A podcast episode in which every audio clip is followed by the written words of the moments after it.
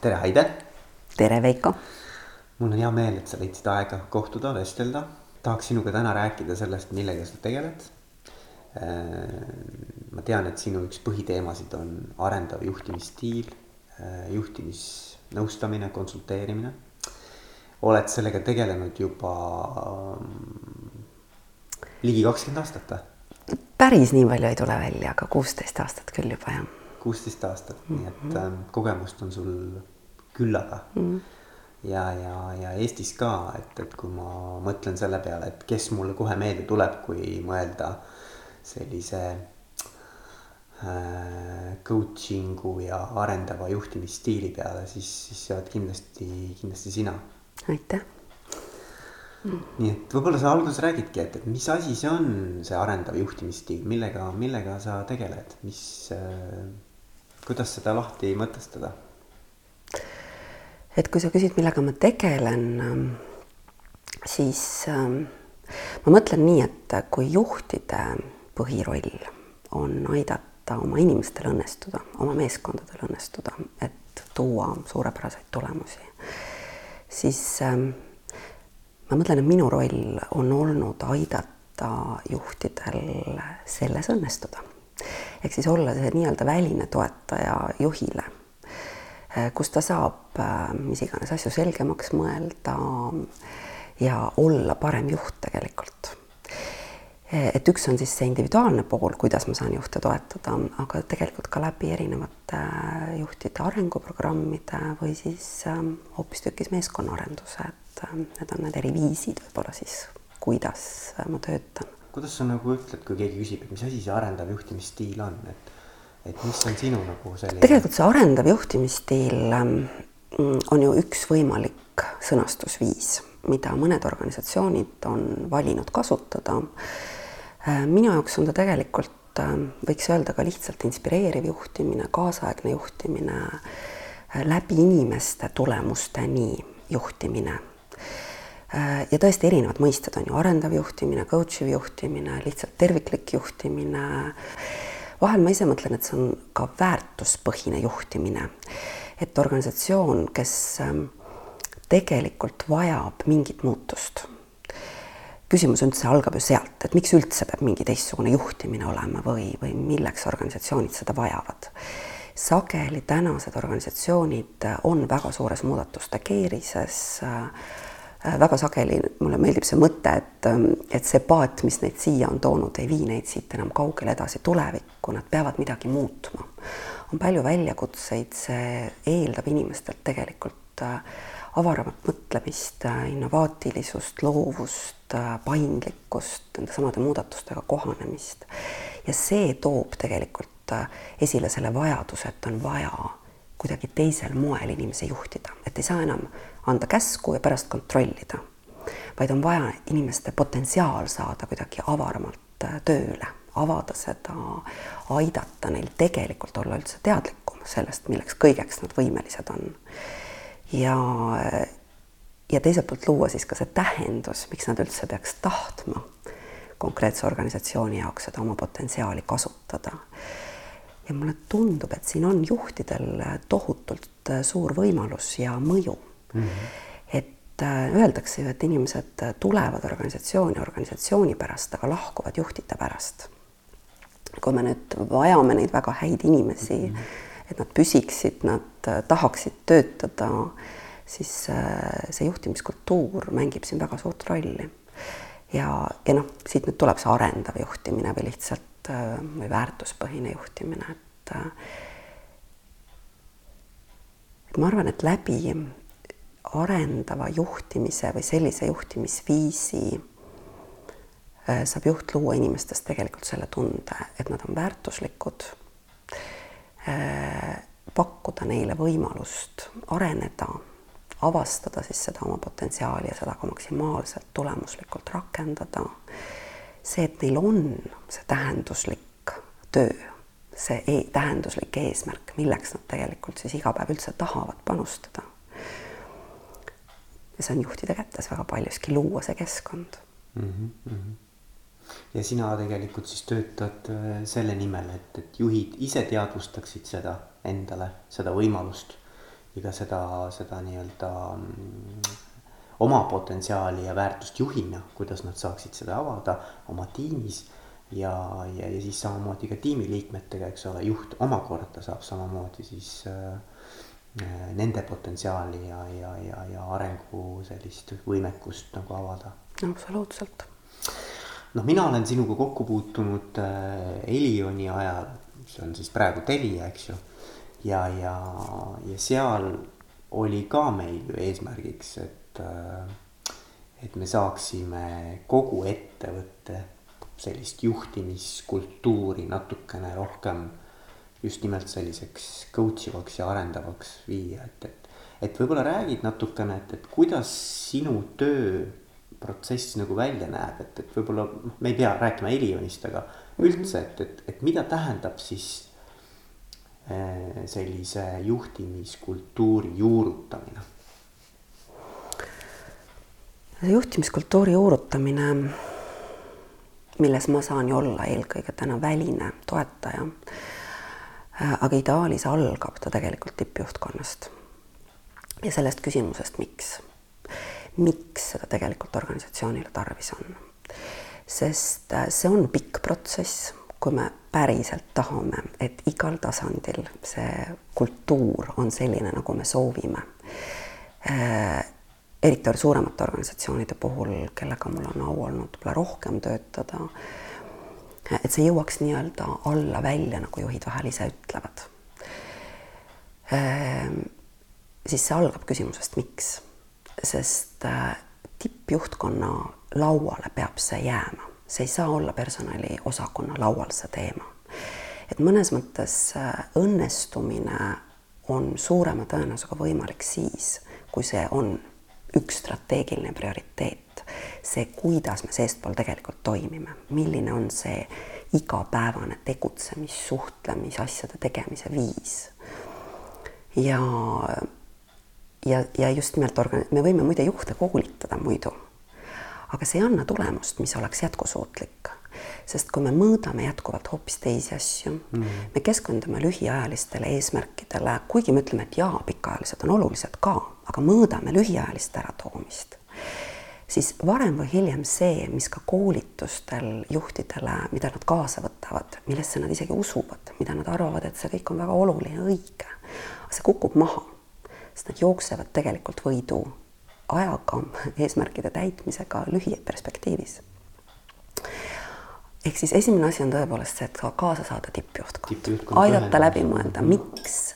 Ja siis juba sealt eda, edasi ka äh, nii-öelda selle muudatuse äh, plaan.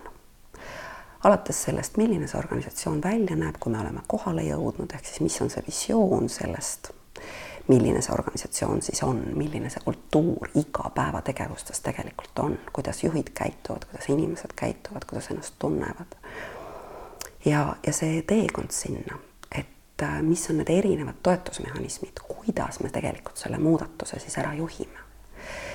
Ja minu töö seal edasi sealt on sageli see, et ma olen siis juhtide arengu toetajaks läbi erinevate, kas siis arenguprogrammide, koolituspäevade, aga sealt edasi ka juba selliste toetuspäevade või supervisioonipäevade, mhm. kus, äh, kui on mingi ühine keel loodud, ühine teadmine sellest, mida siis juht igapäevaselt tegelikult saab teha, inimestes selline tunne tekiks, selline õhustik organisatsioonis oleks. kui on ühine mingi tööriistabaas loodud, mida juhid saavad abiks kasutada, siis sealt edasi on tegelikult väga hea, kui on organisatsioonil võimalik pakkuda siis selliseid lühemaid supervisiooni või toetustöötubasid kus saab töötada juba juhtide enda igapäevaste praktiliste juhtumite, case'ide, küsimustega praktilisel moel, väiksemates gruppides ja seda ma olen näinud, et see on tõesti väga-väga toetav. ja noh, lisaks nad ju, tekib selline jagamiskultuur, mis on omamoodi selle protsessi võib-olla ka üks nagu lisaeesmärk, et organisatsiooni sees hakataks rääkima juhtimisest inimeste juhtimise teemadel jagama lugusid, jagama ka raskuskohti ja õppima üksteiselt.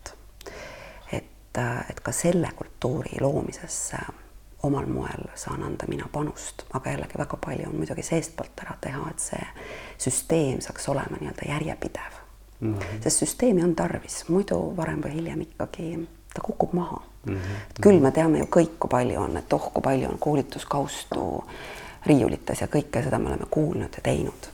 et võib-olla rohkem ma, ma vähemalt püüan ja tahan olla selles rollis, et aidata igapäevaellu neid asju ka päriselt rakendada mm. -hmm. aga mis on kõige suurem raskus, ütleme noh, see võib olla väga erinevad asjad, aga, aga mis sinu hinnangul on kõige suurem takistus, noh, niisugune komistuskivi äh, arendava juhtimisstiili siis rakendamisel ähm,? natuke nõme oleks vastata sellele küsimusele aeg. Aga isegi rahvusvahelised uuringud toovad välja, et äh, kaks kõige suuremat takistust on aeg ja raha mm. -hmm. ei panustata piisavalt aega ja ei mhm. panustata piisavalt raha. sest see tegu on suure muudatusega, kui me räägime nagu kogu organisatsiooni tasandil muutusest mm. -hmm ja, ja aeg, ma mõtlen nagu seda mitmes mõttes, et kõige suurem takistus on seesama, millest ma enne mainisin, et, et täna on vaja tuua jätkuvalt tulemusi tegelikult oli eile juba tarvis. et äh, tohutu äh, ratas on see, milles juhid jooksevad. et mulle tundub, et üks suurimaid väljakutseid on tegelikult leida see äh, nipp, kuidas oleks võimalik võtta aega maha, kuidas vähendada oma kärsitust, kuidas päriselt olla kohal, sellepärast et sa ei saa seda stiili rakendada, kui sa ei ole tegelikult inimeste jaoks olemas ja see on väga paljuski ka organisatsiooni tasandi küsimus. et mida me mõõdame ja, ja, ja mis sõnumeid me läbi mõõtmise tegelikult juhtidele anname mm,. et mis on need konkreetsed sellised mõõdikud ja eesmärgid, millele me tegelikult keskendume?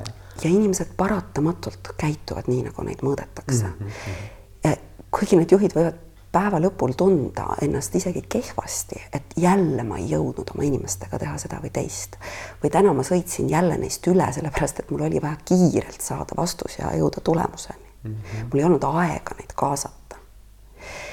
ja, see aja teema on lühiajaliselt probleem, pikemaajaliselt peaks hakkama andma tegelikult aega juurde mm, -hmm. kui on rohkem neid inimesi, kes mm -hmm. särasilmselt iga päev mõtlevad, kuidas ma saan maksimaalselt panustada kuidas ma saan maksimaalselt teha, mitte ei oota juhilt käske ega karda kontrolli. ma mõtlen veel, et, et minu jaoks, kes ma olen ju väline toetaja, ma ei ole ise organisatsiooni sees, võib-olla selle tõttu ma näen rohkem äh, neid väljastpoolt, neid väljakutseid, mis on just nimelt organisatsiooni tasandil.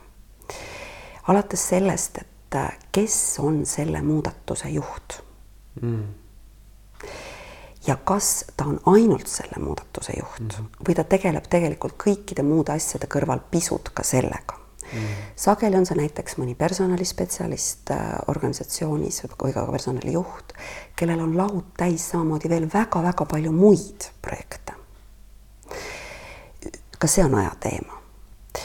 teiselt poolt veel see, et äh, kui, kui palju me vaatame, et mis on need erinevad täna vana, vanas, vana juhtimis Äh, stiili poolt äh, ellu kutsutud äh, erinevad süsteemid, erinevad initsiatiivid, kuidas me oleme seni inimesi juhtinud mm. -hmm. väga palju organisatsioonid toimivad tegelikult hirmu paradigmal. omamoodi hakkab see vastu töötama, kui me nüüd püüame läbi sellise uue juhtimiskultuuri rakendada tegelikult usalduse paradigmat sest selles usalduslikus õhustikus see ei tähenda vastutustundetust, vaid vastupidi, see annab võimaluse tegelikult inimestel võtta rohkem, rohkematel inimestel vastutust mm. -hmm. aga et ähm, väga paljud süsteemid, ka personalisüsteemid võivad kanda jätkuvalt sedasama hirmu paradigma äh, sõnumit. kuidas toimuvad näiteks hindamisprotsessid, kalibreerimised nendes on sageli tegelikult vastuoluline sõnum. juhid ütlevad, et aga sellel, kuidas see meil käib, seal on ju täielik usaldamatuse sõnum mulle kui juhile.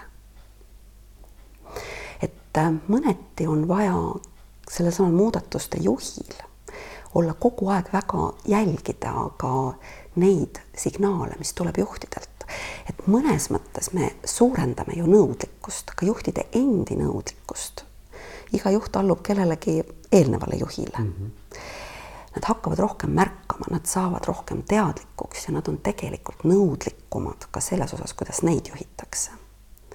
et noppida neid signaale ja toetada iga tasandi juhte. et see tegelikult tähendab mitte ainult siis mingisugust sellist muudatust äh, hoiakutes, suhtumises, väärtusmaailmas, vaid tegelikult siis peaaegu kogu see süsteem ja kogu kõik protsessid toetama seda muutust. absoluutselt ja see on mm -hmm. normaalne, et ta kohe ei toeta mm. me ei saa ju kõike vana maha lammutada ja e-, enne kui uuele üle minna.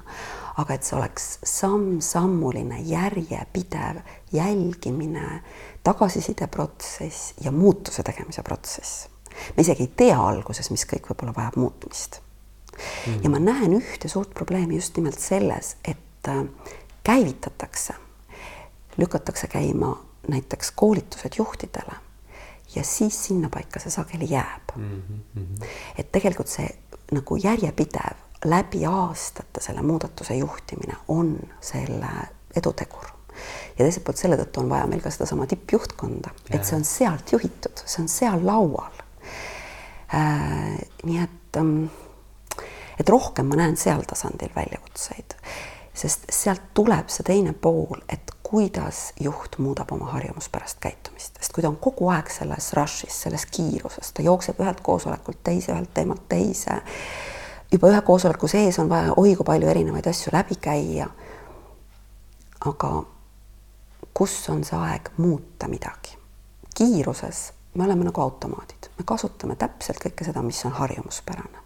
me ei võta seal käiku uusi viise mm. -hmm. et mõneti ma olen väga õnnelik selle üle, et maailmas on äh, üha kasvavalt levimas kogu see mindfulness'i ja ärksuse temaatika mm -hmm. ja ka juhtimisse väga jõuliselt tegelikult sisse tulemas. alles lugesin ühte uuringut me ei suuda praegu meenutada seda viidet, aga et kakskümmend kaks protsenti äh, organisatsioonidest juba mingil moel rakendab ärksuse äh, asju. Ja, ja teiselt poolt ma näen väga palju, kui palju nalja ja naeru see toob, et, et me nüüd siin hakkame kuidagi mediteerima või no niisugune zen olemine või see nagu üldse ei sobitu meie ärikultuuriga mm. -hmm. kuid läbi teadlikkuse Äh, selle mõistmise, selle seose näitamise, kuidas seda on hädasti meie just nimelt ärikasvuks tarvis, ma arvan, saab seda üha rohkem hakata rakendama. sest selles samas muudatuste kiiruses, konkurentsitiheduses, selles, et on vaja üha innovaatilisemaid viise, ideid, kuidas ellu jääda, on vaja tegelikult seda, et inimesed suudaks keskenduda olulisele, et nad suudaks eristada mis on oluline, mis on ebaoluline, seada prioriteete, valida, loobuda väga paljudest asjadest, sest kõike lihtsalt ei jõua. infot tuleb kogu aeg rohkem peale, initsiatiive, teemasid tõstatub kogu aeg rohkem. laua peal on asju, mida kõike ei jõua ära teha, aga selleks, et keskenduda olulisele, on vaja kuidagi meel saada rahunema, meel saada puhtaks. ja mulle tundub, et kogu see ärksuse temaatika on siin isegi, ma ütleks nagu kriitiliselt vajalik mm.. aga mis sa ütled nendele juhtidele, kes noh, ma olen ise kuulnud, et, et äh, küsibki, et aga, aga kust mina tean, et minu tänane selline juhtimisstiil versus siis äh, see, millest äh, sina täna räägid, ehk siis selline, ütleme niisugune Eh, arendav ja coach iv ja, ja, ja potentsiaali avav. et, et miks see peaks aitama, et kust ma tean, kus on see kindlus minu jaoks, et ma võib-olla hoopiski kõike ära ei riku. et, et kuidas sa nagu, et noh, selgelt on see vastupanu, aga, aga kuidas selle, sellise juhi nii-öelda selline mõttemaailm mm. üldse nagu ümber pöörata kui ma sind kuulan praegu, mu esimene küsimus, küsimus tekib hoopis see, et aga kust sa tead, et su tänane jätkuv käitumisviis midagi ära ei riku? Kas sellel on mingi teadmine? ja kui tegelikult ei ole vaja midagi muuta, et sa oled äris, kus sa saad jätkata sellisel moel ja sa oled edukas mm -hmm., võib-olla ei olegi mitte mingit põhjust okay. midagi muuta mm. -hmm iseasi, kui sul ei ole veel lisaks kasumi teenimisele muid eesmärke, et sa tahaks kuidagi maailma paremaks teha ja pakkuda võib-olla oma töötajatele keskkonda, kus nad on tervemad, õnnelikumad, mõjutada nende kõige laiemas mõttes tervist, heas mõttes, kui see on ka sulle eesmärk, siis on hoopis teine teema. kui me räägime ainult kasumist, äritulemustest ja tänane mudel töötab ja sa näed, et see töötab veel järgnevad aastad, ma arvan, ei olegi põhjust muuta. et siis see mugavustsoon on tegelikult juba sisse nii-öelda juurdunud, et et ja miks mitte? on toiminud, ma ei tea, kümme, kakskümmend aastat, et miks ma peaksin midagi muutma. ja kindlasti ma arvan, on täna ärisid, kus ei ole vaja muuta mm.. ja samal ajal on väga palju neid ärisid, kus on hädavajalik muuta. aga kas sa saad oma, oma nagu kogemusest äh, rääkida mõne, ma ei mõtle isegi nagu konkreetset inimest või konkreetset ettevõtet, aga et, et mõne sellise case'i, kus sa oled näinud päriselt, et, et, et asjad on äh, oluliselt paranenud või, või ütleme, mitte paranenud, aga et, et, et sellel koostööl on olnud väga-väga viljakas äh, lõpp või, või, või tulemus? Neid näiteid on tegelikult palju, et ikkagi selline sihipärane ka individuaalne coaching'u protsess, eriti kui see on nii tiimi kui juhi individuaalne protsess, arenguprotsess käsikäes, on ikka enamjaolt äh, positiivne tulemus, see areng on tegelikult silmaga nähtav aga noh, Äh, mulle tuleb meelde praegu üks ähm, juht, kes oli suhteliselt äh, keerulises olukorras, ta oli värske juht sellel meeskonnal. teda ei võetud väga sõbralikult vastu, väga suur vastupanu oli tegelikult äh, üldse sellele juhi vahetusele. tegu ei olnud tippjuhtkonnaga, vaid ühe meeskonnaga organisatsiooni sees. ja, ja see juht oli tegelikult väga hädas, ta oli tõeliselt suures hädas ja see sattus täpselt samale ajale, kui äh, tema minu coaching'u programmi gruppi tuli mm. -hmm. see oli pikaaegne grupp, äh, kestis pool aastat. Äh, noh, pikaaegne üldiselt organisatsiooni vaates. ja, ja, ja tema häda oli nii suur, et ta tegelikult nagu ahmis kõiki neid kogemusi, teadmisi, mida ta nendel arengupäevadel ise koges ja läks ja hakkas kohe rakendama. mida ta siis rakendas, no näiteks kasvõi see, et kui nad varem olid noh, ikka koosolekut teinud sellisel moel, et kõik istusid laua taga oma läpakad ees, kes parasjagu sõna ei võtnud, võib-olla tegeles seal hoopis oma muude meilidega. juht rääkis, mis on oluline, suurem osa vastutusest ja kogu selle nagu aktiivsus oli tegelikult juhi peal. selle asemel ta, esiteks ta esialgu leppis pikemad ajad kokku meeskonnaga, et neil oli see pool päeva, aga ta võttis ka päevi äh, meeskonnaga nii-öelda aega maha, et äh, leida see oluline ja, ja, ja luua seda usaldust tegelikult. aga kõigepealt oli esimene asi see, mida ta noh, kui meie arengupäevadel me istume tegelikult ilma laudadeta hoopis toolidega ringis mm, -hmm sa tead, sa oled äh, kogenud seda, äh, kus isegi seda nagu mõtet ei tule, et ma võtan oma läpaka põlvede peale või ma olen samal ajal telefonis oma meilides, et see loob juba selle, et me oleme tegelikult kohal üksteise jaoks, äh, nende teemade jaoks. siis ta võttis sealt käiku, mida ta veel tegi, ta tegelikult avas väga palju ennast. ta tunnistas oma meeskonnale, et ta on hädas et see olukord, milles nad praegu on, äh, ta kindlasti tahab sellest äh, ise välja saada ja meeskonda välja aidata. ta rääkis oma kavatsustest, sellest, mida ta päriselt oluliseks peab. Äh, nii eesmärkide vaates, ehk siis tal oli visioon nii eesmärkide mõttes kui selles mõttes, kuidas ta tahab meeskonnaga nende eesmärkideni jõuda et talle ei ole oluline, talle on oluline see, kuidas inimesed töötavad, see, et nad tõeliselt tahavad seda tööd teha mm.. ta tegelikult väga, võiks öelda, nagu ta ise kasutas seda sõna, et ta nagu paljastas ennast, ta võttis ennast kõigepealt alasti mm. -hmm. ja tunnistades ka seda, et, et see olukord kõik on talle raske, et ta ei saa olla samasugune juht, nagu oli eelmine. Äh, ja, ja, ja, ja, ja ta annab aru, et Äh, see on osa tema tööst võita inimeste usaldus. Lisaks võttis ta käiku sealtsamalt koolituselt, kui me olime näiteks mingeid kaarte kasutanud, rääkides emotsioonidest. ta ja, ja veel mingeid teisi kaarte, mis aitasid inimestel üksteisele tunnustust jagada, lihtsad abivahendid. ta ütles, et ta läks, ostis veel samal õhtul, kuna tal oli järgmine päev tegelikult juba meeskonnaga äh, kokku lepitud tegelikult äh, selline poolepäevane arengukoosolek. Ta alustas nende kaartidega, ta läks ja ostis need kaardid, ta ütles, et see oli üks esimesi asju, mis mõnes mõttes lõi pingevabama olukorra nii et noh, ma võiks neid näiteid tuua mm -hmm. lõputult, et äh, ka minu jaoks kui arendaja või arengu toetajana oli see selline tõeline äh, kuidas öelda, rõõmu toov juht, et kuidas sa näed, kuidas ta, ta võtab ja ta läheb ja rakendab. Ja ta järgmine kord tuleb ja ütleb, et teate, kui palju me oleme hoopis teise koha peal, kuidas see kõik on abiks olnud. Ähm, me juba räägime sisulistelt olulistel teemadel ja see õhustik on hoopis teine. Nii et ähm, vot selline juht tuleb mulle meelde. Ja mis võib-olla veel on oluline, et, ähm, et kuidas juhid õpivad üksteiselt, see, mida ma ka enne mainisin, et saada tegelikult see üksteiselt õppimise, jagamise kultuur elama organisatsiooni sees.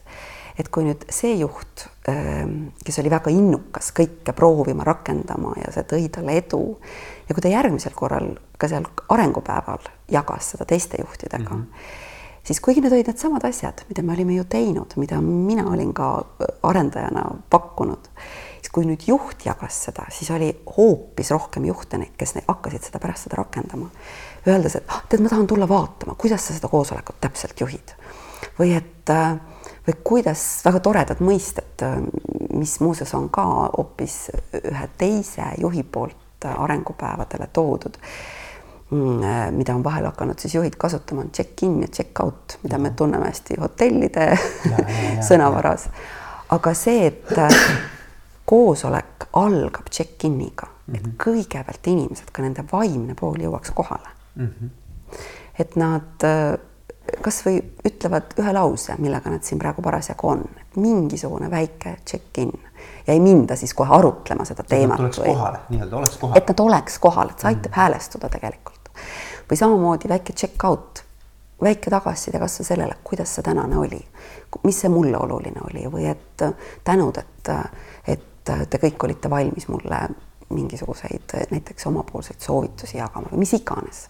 igaüks saab öelda lühidalt midagi meeskonnale tagasisideks. et ja kui seda on rakendanud keegi teine juht ja ta räägib seda, kuidas see töötab, siis ähm, seda võetakse väga mõnuga käiku. mis sa nagu arvad, et kui palju on täna, noh, seda on, see on küll nüüd nagu niisugune kõhutunne, et kui palju täna üldse Eestis äh, on selliseid ettevõtteid, kus võiks öelda, et me lähtume sellisest äh, usalduse paradigmast või, või siis sellisest arendava juhtimisstiili äh, vaatest versus siis nii-öelda pigem selline hirmul põhinev kultuur mina ise ju ei ole seda tüüpi uuringuid teinud mm. -hmm. seda statistikat Eesti baasil mulle tundub, et meil isegi ei ole või noh, seda ei ole uuritud. Ähm, üldine seisukoht on see, et enamik äriorganisatsioone tegelikult põhinevad äh, hirmuparadigmal. see ei tähenda seda, et inimesed käivad tohutu hirmununa iga päev tööl ja ringi mm. -hmm ja võib-olla tõepoolest, et juba ainuüksi selle mõistmiseks on vaja lähemalt tutvust teha sellega, et kuidas siis see organisatsioon toimib, kui ta toimib usalduse paradigmal. Sest väga sageli isegi äh, see keel, mida me kasutame, muutub teiseks. ei ole vaja enam rääkida näiteks sellest, et, äh, et me, on vaja kontrollida töötajaid. kui sina oled minu juht, sa räägid minuga, sa aitad alates sellest püstitada eesmärgid, sa kuuled, kuidasmoodi ma plaanin need eesmärgid ära tuua, sa oled kursis, me oleme mõlemad teadlikud, info on olemas. Siis tegelikult kaob ära vajadus kontrollida. sest info on tegelikult olemas, see ei tähenda, et me mingeid asju ei koonda andmeid kuhugi, aga kontrolli mõiste tegelikult äh, kaob. noh, et sul kaob selles mõttes kontrolli mõiste, et, et kas ta nüüd tegi seda või mitte. jah erinevad see... kontrollisüsteemid, tabelid, kuhu me kõik midagi sisestame, et oleks olemas kontroll tegelikult mm. -hmm. ja see on üks suurimaid müüte, et me vajame seda tegelikult, et muidu me ei suuda ohjata. See on, see on täiesti paradigma muutus, seda ma sulle mõne minutiga sõnades on seda väga raske tegelikult ja. selgitada. aga, aga kas seal on taga ka see, et, et, et noh, et, et kuidas üldse vaadatakse töötajaid või inimesi, et kas nad on laisad, kes vajavad pidevalt sellist noh, nii-öelda tagant tõukamist. või tegelikult inimese selline baasolemus on ikkagi, et ta tahab kasvada, areneda, ta tahab asju hästi teha, et, et ükski inimene ju tegelikult ei tule tööle selleks, et teha oma tööd halvasti. Et noh, et täiesti nagu niisugune baasiline arusaam inimloomusest. Ma arvan, et esimene nihe ongi selles arusaamises. muidugi noh, mis seal salata, et mina ju puutun eelkõige kokku noh, ma naljaga pooleks ma ikkagi tahan öelda, et nagu selle parema osaga organisatsioonidest, sellepärast et nad on juba täna valmis üldse tegelema nende teemadega. ja, ja ega ma ka ju ikkagi väga paljude organisatsioonide puhul ei ole sellist terviklikku teadlikku organisatsiooni ülest kultuuri ja sealhulgas juhtimiskultuuri arendust, vaid on pigem ikkagi erinevate pusletükkidega mm. tegemi-, tegelemine. et äh, aga ma näen seda, et äh, et see ei võta palju aega, et hakatakse väärtustama tegelikult inimest äh, hoiakulises mõttes, tõepoolest usutakse, et inimesed siiski on ähm, orienteeritud eneseteostusele ja neile läheb korda see, mida nad teevad ja millist panust nad annavad. Äh, samas ma annan aru, et on väga palju neid organisatsioone, kus arvatakse vastupidi, et pigem nagu tuleb inimesed sealt äh, äh, noh, kuidagi jõumeetoditega või ka siis hirmu alusel või et kui, kui meil ei ole nagu piisavalt kontrollimehhanisme või, või mingeid selliseid süsteeme, mis paneb inimesed tegutsema, et siis kõik laguneks koost. aga kas see ei ole natuke ka niisugune ennast teostav nagu, nagu, nagu selline mm,. absoluutselt, see, millesse sa usud, seda sa tegelikult hakkad saama, eks ju. sa nagu ise, ise lood selle keskkonna, et sa saaksidki täpselt sellist ja, käitumist, noh, see on, ma arvan, ühe, kui me räägime sellise arendava juhi või äh, coach iva juhi üks oluline hoiakuline baas, et ta tegelikult usub, et inimestes on peidus palju enamat, kui tema on näinud, kui see inimene ise teab. see on oluline hoiak, sest et äh, muidu juhina ma ikka kipun suunama, ma kipun arvama, et ma tean, mida ta tegelikult tegema peab.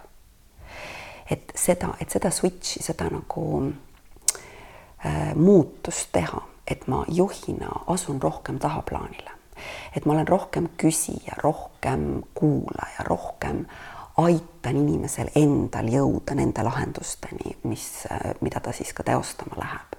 aitan tal tegelikult Äh, võtta vastutust selle eest, äh, mitte ei võta tema eest seda, aga ei ütle, kuidas õige on.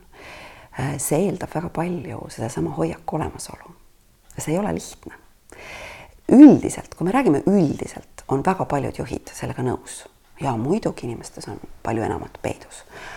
aga vot no see konkreetne inimene, kes seal minu meeskonnas on, ma arvan tegelikult, et temas seda potentsiaali ei ole. aga kust me teame? ja muidugi on absoluutselt aktuaalne küsimus on, mida väga sageli juhid küsivad, kui kaua arendada, kui kaua siis seda potentsiaali aidata avada. Ja see on oluline teema. aga jälle nagu võib-olla üldistatult on lihtne vastus selles, et et kui me aitame avada inimese potentsiaali, me aitame tal endal aru saada, mida ta tegelikult teha tahab, mis ta silmad tegelikult särama paneb, kus on ta tugevused. ja kui me jõuame siis sinna et siin minu osakonnas meie neid töid, mis meil siin pakkuda on, ei saa ta seda kõike rakendada. Siis mõnes mõttes on see ka aidata nii-öelda see potentsiaal mujale. et ta saaks ise teha tööd, mis, et ta on õnnelik ja pikas perspektiivis võidavad tegelikult kõik, kuigi lühiajaliselt mulle jääb võib-olla siia tühimik ja ma pean hakkama uut inimest leidma mm. -hmm. ja inimesel ka, eks ole, mingil ajal ilmselt väga keeruline aeg äh, leida see õige koht enda ja. jaoks, aga samas ma arvan, et lõpptulemusena mõlemad nagu võitnud. ja jällegi nagu keskmiste ja suuremate organisatsioonide puhul, miks ma pean oluliseks, et see on organisatsiooni ülene, sest et, et see, et võib-olla minul üksuses siin ei ole sellel inimesel kohta, aga meie enda organisatsiooni sees hoopis kuskil mujal võib ta leida nagu väga hea rakenduse, nii et kõik on tegelikult rahul. nii et kõik see jagamine ja see info liiguks juhtide vahel, mitte see ei oleks ainult personaliosakonnas mm, -hmm. vaid et, et ka personaliinimesed saaks olla pigem toeks, et juhid omavahel seda infot kõike vahetaks mm. -hmm. Mis sinu jaoks on need kriteeriumid, et valida endale koostööpartnereid äh, juhtide seas? et mis, mis peab olema kindlasti nagu paigas ennem kui sa hakkad inimesega või, või siis juhiga tööle? tead, mul tuleb ähm, ainult üks juhtum praegu meelde äh,, kus ma olen reaalselt pidanud äh, ütlema, et ma ei saa aidata võtta. Äh, ja ma ei ole valmis tegema seda, et ma aitan inimestel jätkuvalt kannatada mm.. et äh, selleks ma ei ole valmis koostööd alustama, et äh, kui organisatsioonis on noh, midagi paigast väga ära ja, ja see juht jõuab minu juurde sellega, et aita mul taluda seda, saada iseendaga paremini hakkama siis ma näen, et see ei ole eetiline, et ma aitan tal nii-öelda jätkuvalt kannatada selles organisatsioonis. muul juhul mul ei ole mingeid jäike kriteeriumeid, et tegelikult äh, kõik algab sellest, et äh, saame kokku. et äh, kõigepealt saame tuttavaks mm., et mina saan paremini aru, mis seisus see organisatsioon on, mis seisus see juht on, mida tegelikult ta vajab, millist muutust ta tahab läbi viia või millist muutust äh, see organisatsioon vajab. ja siis me saame juba koos mõelda, et äh, mis on see ja kuidas saan mina kasuks olla, nii-öelda abiks olla. kui tekib see usaldus, äh, mida ma vajan selleks, et töötada, on absoluutselt usaldust vastastikust usaldust, et see on tegelikult eelkõige partnerlus. ma saan olla juhile, juhtidele organisatsioonile paremaks käeks. ma mõtlen sellest nii, et tegelikult on see nagu kahe ekspertsuse äh, kokkusaamine mm. -hmm. organisatsiooni poolt, juhi poolt on see sisemine ekspertsus, nemad teavad oma äri, neil on tohutu kogemus, äh, äh, kõik see, mis on toiminud, ka see, mis on täna, eks ole, võib-olla kehvasti. ja minul on see väline erinevate valdkondade, organisatsioonide kogemuste pagas, mõnes mõttes ka see väline võib-olla teistmoodi pilk asjadele äh,, julgus küsida rumalaid küsimusi mm. -hmm. sest ma alati küsin, ütlen kõik välja, mis mõtted mul pähe tulevad, armastan seda mõtet, et minul pole nendega midagi pärast peale hakata, kui see käib nende kohta või nende organisatsiooni kohta ja me võime selle nurka visata järgmisel hetkel aga võib-olla on neil sellest kasu, et mm. asjadele vaadata hoopis teise nurga alt. nii et tegelikult nii see koostöö sageli algab, et, et saame tuttavaks, kaardistame natuke, vahel on vaja kaardistada ka organisatsiooni sees, juht ütlebki, et ta ei saa aru, ta ei saa tegelikult aru, mis jama on, ta enda mm. meelest teeb kõik, aga ei ole nagu kas siis inimeste silmad ei sära või tulemusnumbrid on kehvad, eks ju. Äh, siis saab teha ka natukene täpsemat diagnostikat, vaadata üle, mis on need suurimad väljakutsed äriliselt, vaadata üle see, kuidas inimesed täna tajuvad ja tuua sealt tegelikult välja need vajadused. võib-olla veel, mis on oluline minu enda jaoks öelda, et ma sageli kuulen seda, et äh, näiteks mm, öeldakse, et meie juhid ei ole veel valmis. Nende valmidus täna seal no juhtimiskvaliteedi teemaga tegeleda või üldse inimeste juhtimise peale mõelda, seda ei ole. Ähm, ma arvan, enamjaolt ei ole valmidust. aga küsimus on mitte valmiduses, vaid vajaduses. kas on vajadus? ja praktiliselt alati olen ma leidnud selle, et juhtidel on mingi vajadus muutuse järele seda, et kuskil on kõik ideaalselt, et mitte midagi muuta ei taha, no ma ei, kahjuks ei ole seda väga palju näinud. ikkagi on vajadus ja, ja kui on olemas äriline vajadus, kes teevad äri, on inimesed, siis on sageli ka vajadus inimestega kuidagi teisel moel midagi muuta mm, -hmm. teistmoodi ümber käia, inimesed hakkaks teistmoodi käituma. ja kui sa kõnetad seda vajadust, kui sa aitad tegelikult juhi, juhil sõnastada selle vajaduse, siis hakkab kasvama ka valmisolek tegeleda nende teemadega mm.. nii et, et kui vajadus on selge, siis leitakse ka see viis muutuda. absoluutselt. ja konsultandina on sageli see minu roll aidata juhil saada selgeks ka vajadus. et see ei ole alati selge. selge on see, et on rahulolematus, nii enam edasi ei saa, midagi peab muutma. aga mis see jama on? nii et minu sõnum pigem juhtidele on see, et ärge üritage üksi vajadust selgeks saada või ärge oodake, et teie organisatsioonis kõik on valmis tegelema ka inimeste teemadega või läbi inimeste tulemusteni jõudma. vaid mõtleme koos ja, ja tegelikult koos mõeldes äh, asjad lähevad selgemaks. aga aitäh sulle, Aide. ma soovin sulle edu. aitäh ja edu sulle